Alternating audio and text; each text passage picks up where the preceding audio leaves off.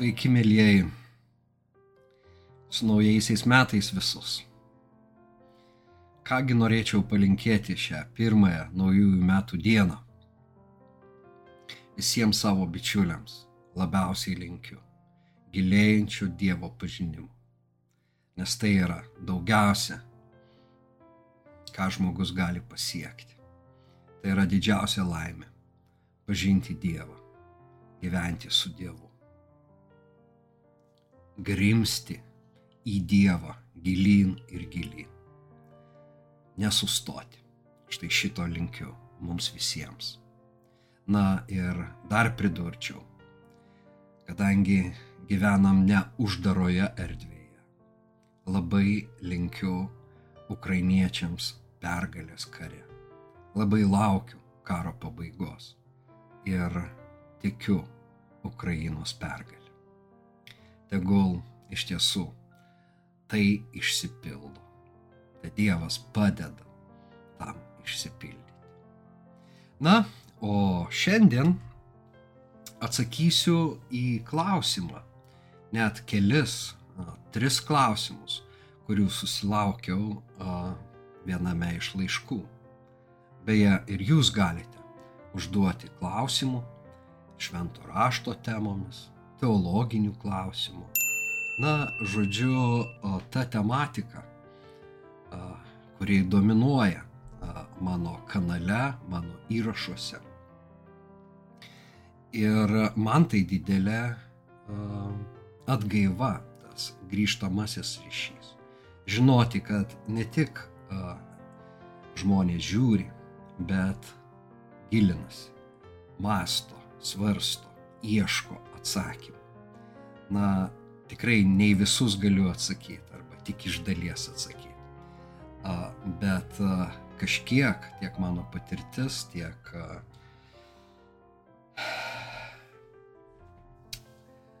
teologijos doktoratas, tiek, na, nueitas tikėjimo kelias padeda man galbūt padėti jums eiti tikėjimo keliu.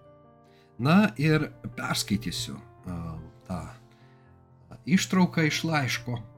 Norėčiau, kad viename savo įrašų išsameu pareflektuotumėte šią apaštalo Pauliaus mintį. Nesigėdėjo Evangelijos, nes ji yra Dievo gale išgelbėti kiekvieną tikintį. Pirmą žydą, paskui graiką.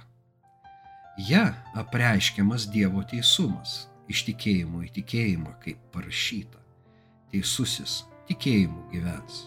Laiškas romiečiaus pirmas skyrius 16-17 eilutės. Kiek esu Pauliaus skaitęs, skaitęs bei supratęs ir kiek mano krikščioniška intuicija sufleruoja, šios eilutės yra kertinės Pauliaus teologijai suprasti. Evangelijos kaip jėgos ir Dievo teisumo savokos nenustoja man buvę myslingais nuolatinio atsinaujinimo prote ir dvasioje reikalaujančiais dalykais. Na, prieš skaitydamas toliau pasakysiu, kad pilnai sutinku, kad laiško romiečiams įžanga yra tam tikras kertinis akmuo apaštalo Pauliaus teologijoje. Nors tai yra įžanga. Iš tiesų, apaštalas pristato tai, ką jis detaliai nagrinės laiške romiečiams. Ir todėl svarbu skaityti visą tą laišką atidžiai ir ypatingai sustoti prie tų vietų, kuriuose kalbama apie teisumą, ir apie tikėjimą. Na, e, apie Dievo galę galbūt kalbama ir mažiau, bet Paulius pradžioje jau konstatuoja, kad Evangelija yra Dievo gale ir, na, jinai akivaizdžiai susijusi tiek su Dievo teisumu, tiek su tikėjimu. Iš šitos įžangos tai akivaizdu. Skaitykime toliau.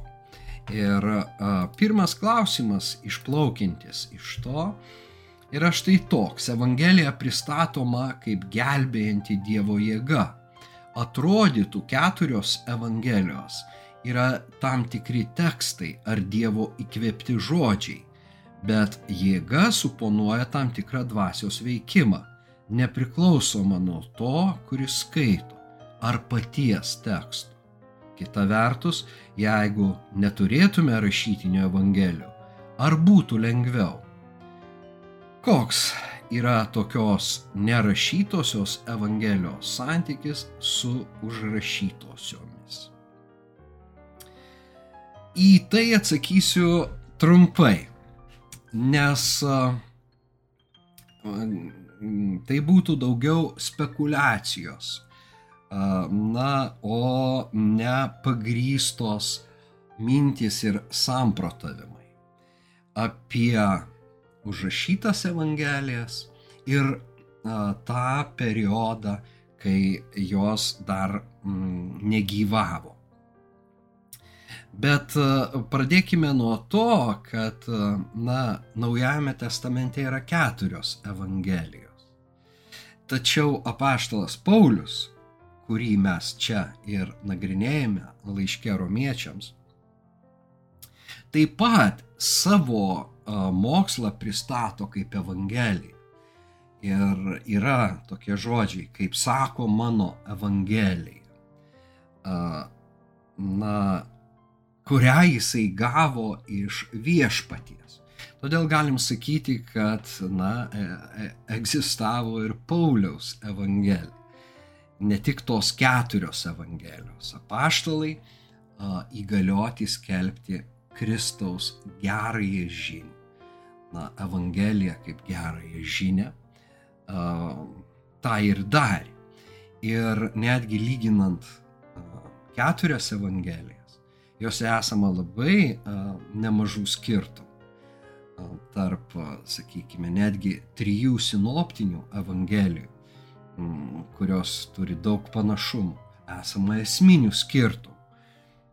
Ir nekalbant jau apie Jono Evangeliją, kuris skiriasi nuo pirmų trijų.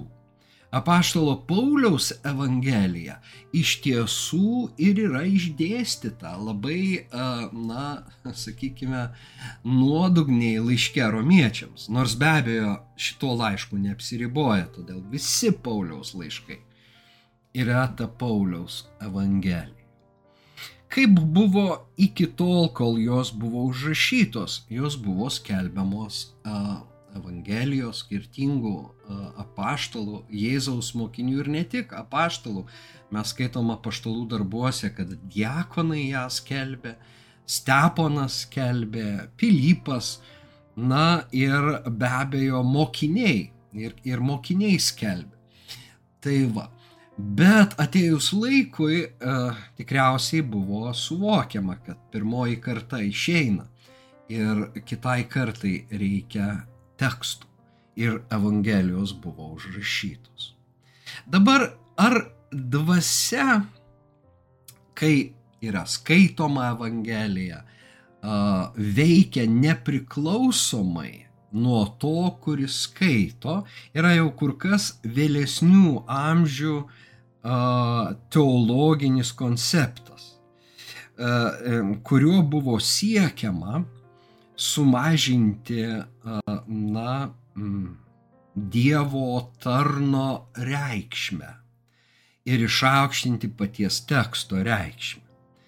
Ir kai kuriuose konfesijose taip ir teigiama, kad kur yra skaitomas šventasis raštas, ten ateina šventoji dvasia ir jinai veikia nepriklausomai nuo to skaitytojo, jo netgi tikėjimo, gyvenimo būdo ir panašiai. Na, uh,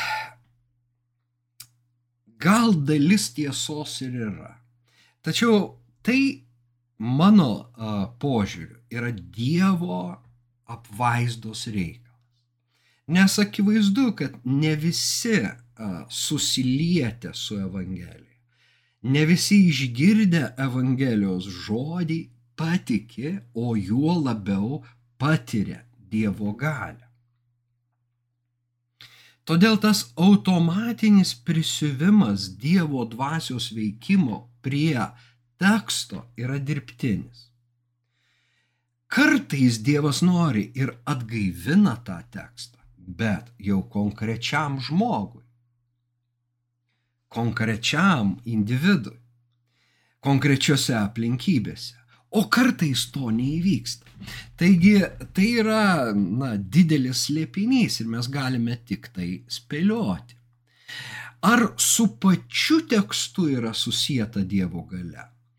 Be abejo, jinai yra susijęta, bet vėl tai nereiškia, kad jinai automatiškai atsiveria. Žmogus atverčia Evangeliją ir jau Dievo gale a, veržiasi iš tų puslapių. Mano gyvenime buvo priešingai. Kai aš skaičiau Evangeliją, aš pradėdavau išgyventi Dievo artumą, neapsakomą, tuo metu man nepažįstamą gerumą, meilę, ramybę, džiaugsmą. Taigi ta Dievo dvasios gale skaitant mane lietė ir lietė labai stipriai, labai realiu būdu nuo kurio niekaip negali pabėgti. Tačiau nereiškia, kad kiekvieną kartą su kiekvienu žmogumi taip vyks. Todėl, a, a, reiškia, na, tas dvasios veikimas, jis ta prasme yra nepriklausomas, kad tai yra Dievo prerogatyva, tai yra Dievo apvaizdos dalykas. Kada jis nusprendžia, kokiomis aplinkybėmis kam prabilti. Na, o ar nerašytosios Evangelijos, tai yra tos, kurios buvo skelbiamos, ir tos, kurios mus pasiekė kaip užrašytos, na, buvo stipresnės, ar, ar, na, kiek aš suprantu, čia apie tai klausimą. Jeigu neturėtume rašytinių evangelijų, ar būtų lengviau? Aš nežinau, kaip būtų, bet manau būtų labai panašiai kaip yra ir dabar. Ne tiek rašyta ir nerašyta, kiek tai, kad būtina buvo užrašyti. Ir Evangelija kitaip nebūtų pasiekusi sekančių kartų. Todėl Dievo apvaizda lėmė, kad atsirastų naujojo testamento kanonas, kuriuo, kurio pagrindu Dievo žodis, Kristaus Evangelija pasiekė ir mus. Na, o daugiau spekuliuoti, koks ten santykis tarp jų būtų, aš nesijimčiau tarptų rašytų ir nerašytų, nes tai yra grinai hipotetiniai svarstymai, bet mano galva buvo lygiai taip pat ir anuomet, ir dabar kad vis tiek turi a, a, dalyvauti pats Dievas, o Dievo sprendimai a, e, labai dažnai išlieka slėpiniais. Nors, na, Kristaus mokiniams pavesta skelbti Evangeliją, nereiškia, kad kiekvieną kartą tą Evangeliją palies kiekvieną žmogų, galbūt vieną kartą tik vieną žmogų, o galbūt po daugelio metų vienas iš klausytojų staiga supras, kad vat štai tada į jo širdį krito pirma sėkla. Na ir taip toliau. Bet kad mes turime reikalą ne su paprasta knyga, ne su paprastu užrašytu tekstu, tai faktas. Evangelija yra kitoks tekstas. Evangelija susijęja mūsų Dievu, artina prie Dievo, atveria mus Dievo veikimui. Tai yra išskirtinė knyga. Štai tuo aš esu įsitikinęs. Pasižiūrėkime dabar sekantį klausimą, kuris skamba taip. Kas yra Dievo teisumas? Tai įstatymo laikymasis, malonės iš ankstinis veikimas ar vidinis etosas ir sutampantis ir nesutampantis su įstatymu. Pastebiu, kad e, bažnytinėme pamokslavime teisumo kategorija pražiūrima, ją sinonimiškai susijęjant su teisybė bet ir pastarosios nesivarginama aiškintis, kas ta Dievo teisybė, teisumas. Na, pradėsiu nuo galo, kad čia priklauso nuo to, kokioje konfesijoje pamokslaujame, kokioje bažnyčioje šią temą yra kalbama. Nes iš tiesų Dievo teisumo klausimas per bažnyčios istoriją sulaukė labai daug debatų. Ir po šiai dienai egzistuoja skirtingos ir teologinės, rimtos teologinės pozicijos. Ir juo labiau skirtingose bažnyčiose na, bus aiškinama, atsižvelgiant į tas pozicijas arba tiesiog truputį tik žinant vieną iš jų ir teigiant, kad tai yra vienintelis požiūris, na, kad apaštalas Paulius būtent taip ir na, suprato teisumą.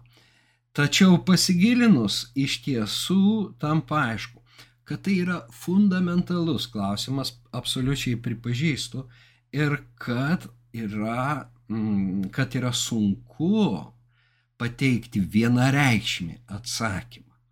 Ir, na, kadangi galimybės paties Pauliaus paklausti nėra, tenka remintis juo ir remintis apskritai šventuoju raštu, na, spręsti mums patiems, kągi apaštalas turėjo omenyje. Žinau, kad kai ką aš iš karto papiktinu, taip sakydamas, nes ne vienam atrodo, kad čia viskas aišku su tuo Dievo teisumu. Na, bet pasižiūrėkime. Aš pradėsiu nuo graikų. Iš tiesų, nuo citatos iš Aristotelio Nikomacho etikos, o ne iš šventojo rašto. Kodėl? Todėl, kad teisumas graikų romėnų kultūroje ir mąstysenoje buvo etikos kategorija, dorovinis idealas, kuriuo sveriamas yra žmogus, jo intencijos, mintys ir darbai. Tačiau biblinėje žydų kultūroje vystėsi kitokia teisumo samprata. Beje, mm, hebrajiškai CDK yra tas na, teisumas ir CDK yra teisus žmogus, teisusis. Na, štai hebrajams teisumas visų pirma siejosi su sandora jiems tai yra ryšio koncepcija. Ne asmens, kuris gali visų pirma pasiekti teisumą pats savo a, darbais, bet asmens, kuris priklauso tautai, a, Dievo tautai. A, ir todėl Senajame testamente Dievo tauta kartais vadinama bendriniu šituo žodžiu, teisėjai, jūs teisėjai džiugaukite. Ir teisėjai yra tie, kurie, na, paklūsta sandoros reikalavimams, yra, sakykime, vyrai apipjaustyti pagal sandorą. Ir, žodžiu, judėjams teisumas buvo neatsiejamas nuo sandoros. Bet truputį skirtingai nei graikams, teisumas tai nėra tik tai etalonas, na, etikos į, į idealas, reiškia doro, na, dorovės aukštuma žmoguje. Bet yra ryšyje teisumas su kitais ir su visų dievu. Tai vat tą reikia turėti omeny ir tą labai įdomiai iš tiesų galime atskleisti tyrinėdami Senąjį testamentą. Bet štai ką rašo Aristotelis. Kaip olimpiadose ne tie apvainikuojami, kurie yra gražiausi ir stipriausi, o tie, kurie dalyvauja varžybose. Iš jų kai kurie tampa nugalėtojais, taip ir gyvenime. Tik tie gauna pergalės vainiką, kurie teisingai veikia. Jų gyvenimas jau pats savaime yra malonus. Mat, malonumas yra sielos būsena, o malonumą kiekvienam teikia tai, kas ką mėgsta. Pavyzdžiui, arklys tam, kuris mėgsta arklius, senos renginys tam, kuris tokius uh, reginius mėgsta, lygiai taip pat ir teisingi darbai tam, kuris mėgsta teisingumą. Čia galėtume pakeisti teisūs darbai ir mėgsta teisumą. Ir apskritai doras poelgis tam, kuris mėgsta dorybę. Tas, kuris nesidžiaugia kilniais darbais, negali būti laikomas dorybingo, juk nepavadinsi teisiu to, kuris nesidžiaugia e, teisingu elgesiu, nei kilneširdžių to, kuris nesidžiaugia kilneširdiškais darbais. Be abejo, tų e, citatų galima būtų ir daugiau mm, surasti Na, bet Nikomacho etika iš tiesų, e, na, puikiai įkūnija graikiškos e, minties, graikiškos etikos e, siekius, pagrindinės savokas, na, bendrojo gėrio, kurio kontekste iš tiesų šita ištrauka ir yra laimės, kas yra ta žmogaus laimė, kaip jinai neatsiejama nuo bendrojo gėrio. Ir mm, va šitame kontekste kalbama ir apie teisumą, kuris iš tiesų siejamas visgi su tais gerais darbais. Ir ta prasme, vėlgi, jeigu mes grįšime prie Pauliaus, mes dar sugrįšime, pamatysime, kad ir jo laikais judėjų mąstyme iš tiesų teisumas buvo neatsiejamas nuo darbų. Visgi, ką mes jau pastebėjome, reikia turėti omeny, sandoros su Abromu ir Izraelio tauta, Mm, na, reiškia, buvimą Izraelio sąmoniai, priešingai nei graikų. Tai, tai va, nu, manau, šita į, į ištrauka mums padeda, iš dalies atsako į tą, reiškia, klausime nuskambėjusi, reiškia, ar tai yra vidinis etosas.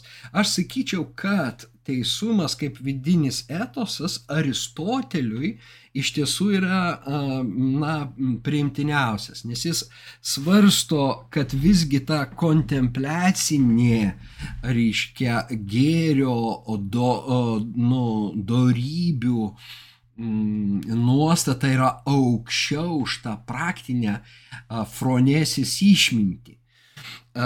Yra aukščiau, yra svarbiau.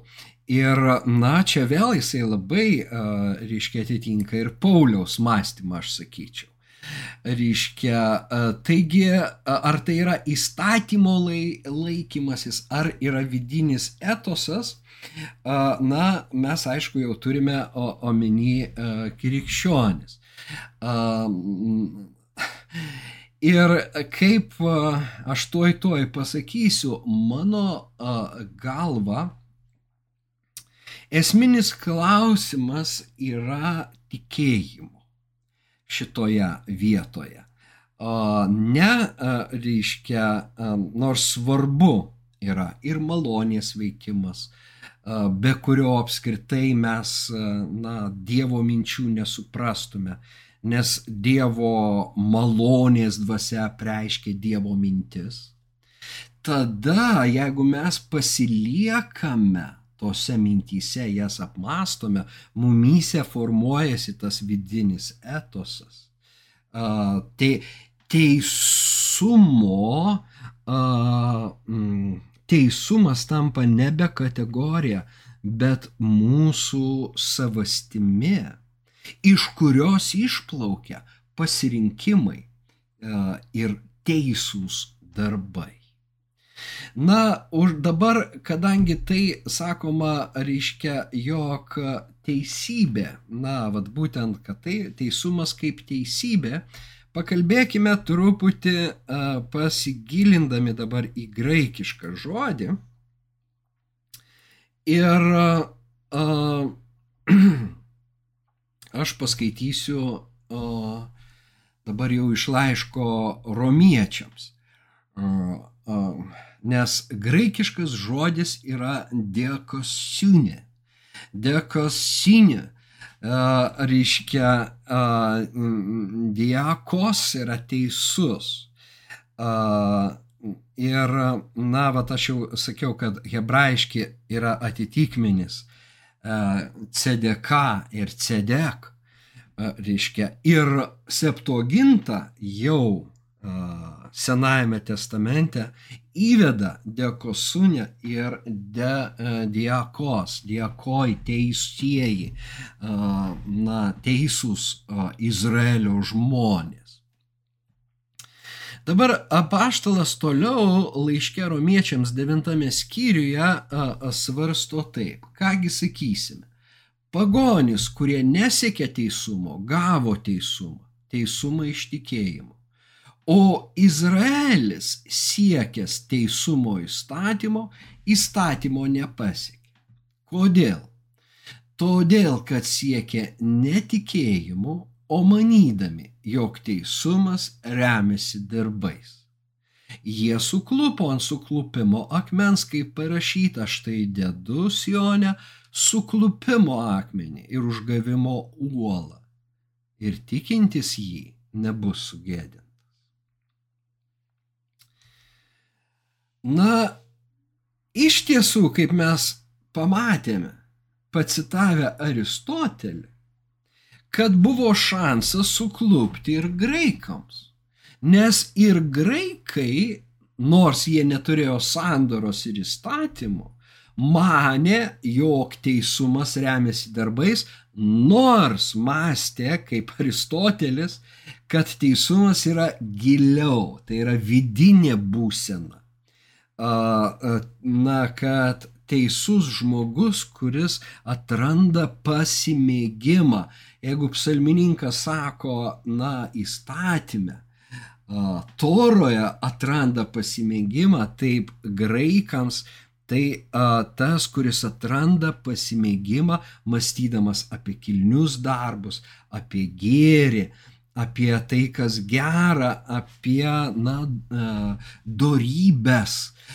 Jisai kontempliuoja tame ir tokiu būdu, vat, reiškia, na, pradeda pranokti žmogų, kuris tuo neužsijima. Bet uh, faktas, kad teisumas paremtas vien darbais, uh, tikrai nėra apaštalo Pauliaus, uh, na, atsa, uh, reiškia, uh, apaštalas Paulius parodo, kad su Kristumi yra apreiškiamas, Evangelija apreiškia Dievo teisumą, kuris nėra paremtas žmogaus darbais. Tai yra absoliučiai, absoliučiai aišku. Tačiau iškyla, na, kitas klausimas. Ką jis turi omeny, sakydamas diekosinė teu, Dievo teisumas? Ar, reiškia, teologai nagrinėja tai ir e, gramatiškai, ar tai šitie, šitas žodžių junginys yra o, subjekto genetyvas ar objekto genetyvas. Kitaip tariant, ar Dievas yra teisumo šaltinis, davėjas ir, na, tas veikiantis subjektas, ar, a, reiškia, teisumas yra, a, Dievo teisumas yra statusas, kurį žmogus gauna iš Dievo. Tai štai čia, reiškia, vyko labai na, didelės polemikos. Kitas dalykas, reiškia, kuri, ku, kitas klausimas, kuris iškyla, ar a, žmogus, reiškia, na, laikytinas teisiu, kai jisai patiki Evangeliją? Ar jis padaromas teisiu per savo tikėjimą? Reiškia, vėlgi, ar teisumas tampa jo dvasios uh, kokybę, ar ne, jo, jo va ta, tuo, man patinka tas vidinių etos, ar Dievo gale jis yra regeneruojamas taip, kad tampa teisus, ar jis yra laikomas teisiu. Bet, reiškia, na, šventumo jam tada tenka siekti, nors jis laikomas teisiu. Ir vėlgi šitos, na, diskusijos teologiniai plotmiai vyksta remintis Pauliaus teologija, Pauliaus laiškais. Ne tai, kad, na, susigalvojama. Todėl yra tų, kurie be abejo bus už tai, kad Dievo teisumas, na, yra, reiškia, tas statusas Dievo akise. Žmogus, kuris tiki yra išteisintas Dievo akise, nežiūrint uh, to, kad savo mintyse, savo poelgiuose jis labai dažnai bus neteisus. Ar Dievo teisumas yra tai, ką Dievas padarė atsiūsdamas Jėzų Kristų, numirti už žmonijos nuodėmes? Ir žmogus išgirdęs Evangeliją, jis pradeda pasikliauti tuo Dievo teisumu, kuris nežiūrėjo į mūsų neteisumą ir tą, kuris nepažino nuodėmės, padarė nuodėmę dėl mūsų, kad mes e, e, būtume išteisinti prieš Dievą.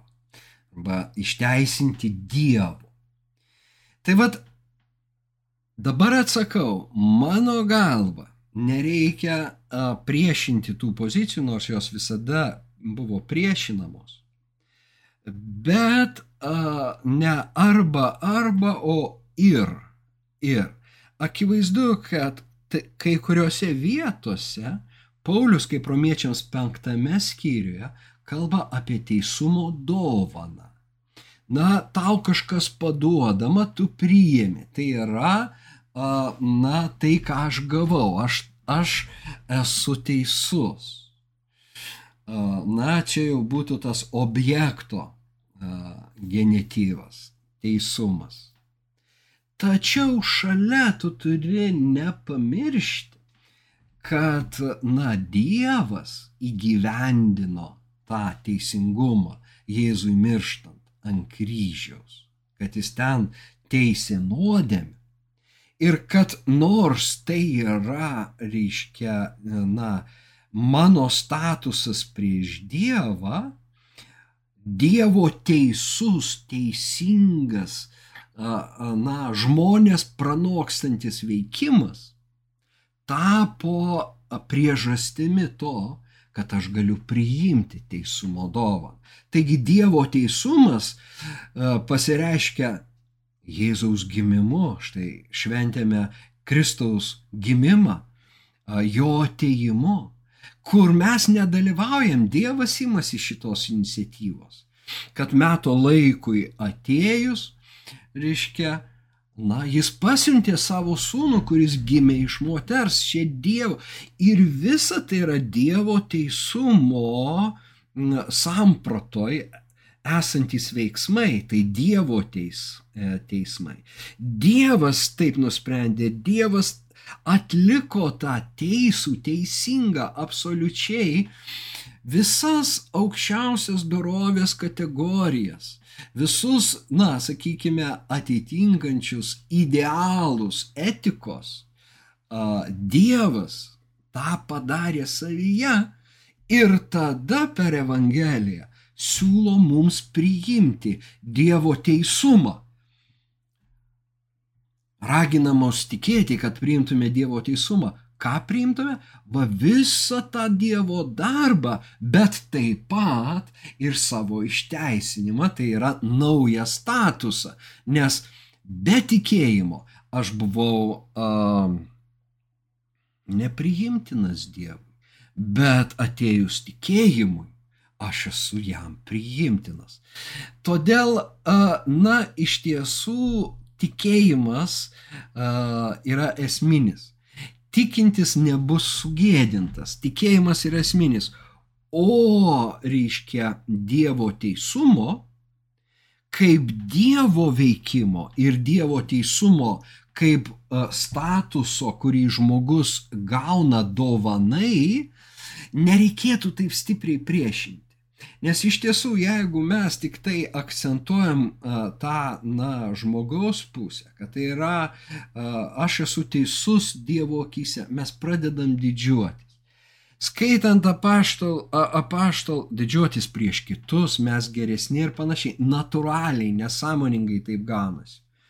O jeigu mes skaitome didžiąją apaštalą Paulių, jis kaip tik sako, kur tada pagrindas girtis, jeigu yra išteisinami, išteisinami dabar a, žmonės nedarbais, o tikėjimu, jis pašalintas. Kokiu pagrindu? Įstatymo pagrindu? Ne, tikėjimo pagrindu. Tai lab, vėlgi labai įdomu, kad Dievo teisumas, jeigu mes jį suvokiame, panaikina pagrindą girtis. Ir tik tuo atveju, jeigu mes va, matome, kad nu, to teisumo a, a, pagrindinis įgyvendintojas, veikėjas yra pats Dievas, tada nėra pagrindo girtis. Tačiau jeigu Dievas padarė tai, jis dabar dovanojo tau teisumą, svarbu jį priimti. Tu jį priėmė ir tu jau teisus. Taip mes nebematome Dievo ar ne, nebematome Dievo a, dalies, kuri, na, yra ir yra tikriausiai kur kas didesnė. Bet dar kartą kartoju ir ir. Reiškia, dabar tie pamokslai, kuriuose tas Dievo teisumas kaip teisybė, vėlgi man dabar yra sunku spekuliuoti, aš išgirdęs, nu, galėčiau spręsti, į kurią pusę jie labiau krypsta, bet matomai ten apskritai šitom kategorijom, kuriomis mes kalbamės, nėra paremti, ten, ten yra tiesiog paviršinis uh, ne, nesuvokimas, greičiausiai, kiek aš suprantu, na, bet Pauliaus teologijos apskritai išteisinimo, na, dalies toje teologijoje. Na ir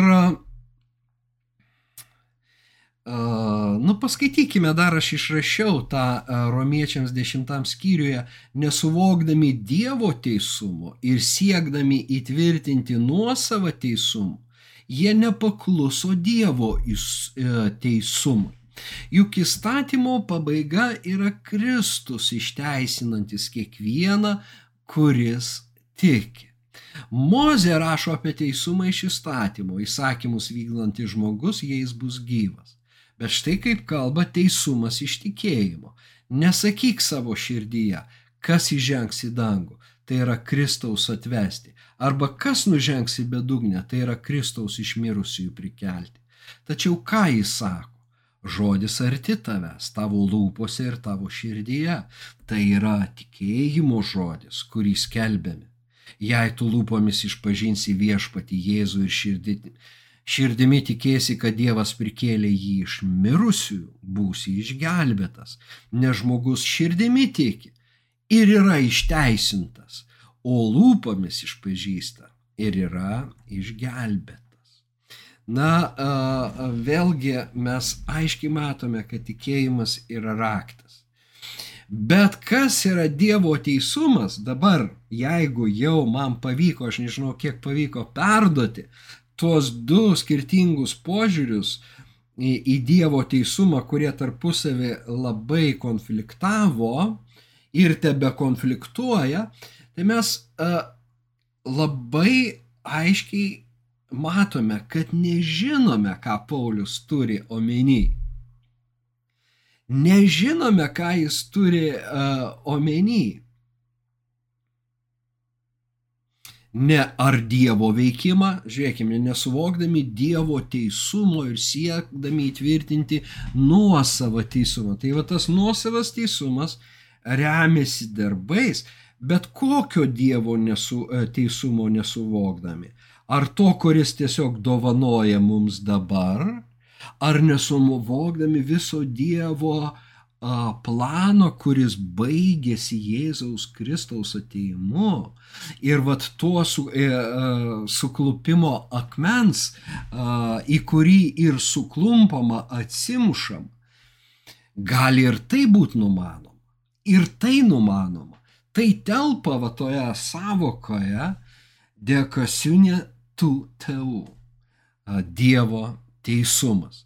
Bet bet kuriuo atveju a, išgelbėjimas žmogaus, va tai jau soteriologinė, eschatologinė būsena a, prieš Dievą su Dievu priklauso nuo tikėjimo. Tikėjimas yra svarbus ir raktinis. A, Na ir mes atėjome iki paskutinio uh, klausimo, kuris skamba taip. Ir ką reiškia šie mislingi žodžiai - iš tikėjimo į tikėjimą? Tam tikras dalymasis žodžiu, na, a, ekpistėjus eis pistin graikiškai iš tikėjimo į tikėjimą galimi, na, keturi atsakymai, ką tai reiškia.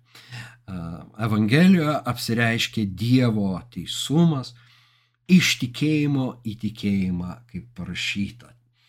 Teisusis tikėjimu gyvens. Pirmasis atsakymas yra toks jog Dievas iš savo ištikimybės apreiškė žmogui, kaip būti išteisėtam, iš, išteisintam ir išgelbėtam. Taigi, iš tikėjimo į tikėjimą. Graikiškai pistis yra tikėjimas ir ištikimybė. Čia gali būti kad Paulius sako, iš Dievo ištikimybės Evangelijoje apsireiškia Dievo teisumas iš Dievo ištikimybės tikinčiam žmogui. Ir va čia jau mes turim tas abi pusės, ne? jau mes turime tą labiau subalansuotą požiūrį, labai tikėtiną kiti a, siūlyti a, vėlgi a, komentaruose, įvairiuose disputuose atsakymai, ką reiškia iš tikėjimo į tikėjimą.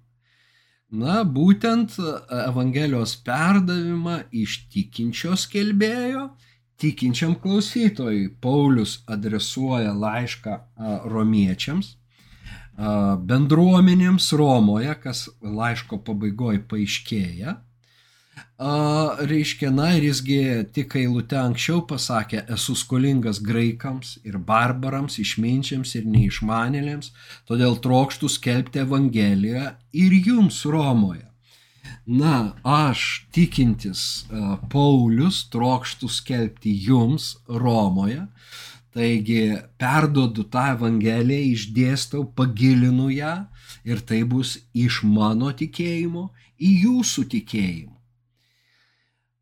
irgi galimas, nors mano galva truputį mažiau tikėtinas, todėl kad, na, sprendimas, todėl kad, kaip parašyta, teisusis gyvens tikėjimu. Ir va tas man truputį, na, kliūna, nes šituo atveju galbūt ta citata, na, ne, ir ne visai tinka nors galbūt ir tinka. Taigi, vat, tokie du, tikrai vienas daugiau, kitas irgi pakankamai tikėtinas sprendimas. Na, dar sakoma, kad tai gali reikšti iš tikėjimo mažos stadijos į, reiškia, arba, na, dimensijos iki didelės, iki to aukštos dimensijos. Tai reiškia iš tikėjimo į tikėjimą, turimo omeny tikėjimo branda, na, krikščionio branda iš mažo tikėjimo link didelio tikėjimo, iš paviršinio Dievo pažinimo link gilesnio Dievo pažinimo. Na ir mažiausiai tikėtinas tai yra, kad Paulius sako, iš tikėjimo, kaip anksčiau tikėjo na, mūsų protėviai Izraelis, prie e, tikėjimo, kaip dabar tiki krikščionis kad jis turi poslinkį omeny nuo Senojo testamento tikėjimo prie Naujojo testamento tikėjimo, bet dešimtam skyriui paaiškėja, kad Izraelis būtent suklupo, nes netikėjo. Ir kad jie, vat, tikėjimui, Dievo veikimu teikia mažiau reikšmės nei savai tradicijai, ir, na, iš tos tradicijos išplaukiantiems darbams. Tai nežinau, kai ką aš praleidau, bet laikas iš tiesų nebeleidžia plėstis, nes jau ir taip žiūriu 46 minutės. Bet dar kartą dėkoju, na, kai ką galima bus dar atskirai pasiaiškinti. Svarbiausia yra tai, kad Evangelijoje iš tiesų slypi tas apriškimas, kuris mūsų gyvenimą na, daro dievišku. Tiek šiam kartui, dar kartą su naujaisiais, naujų Dievo apreiškimų ir jo gelmės sudė. Čia gyvenimo pradžia, kai vėl klaupiuos prie tavo kojų, palikusi prekyvietei aistras ir nerimą, iš savo lūpų į mano širdį, iš savo į mano širdį, iš savo į mano širdį, iš savo į mano širdį kalbėti.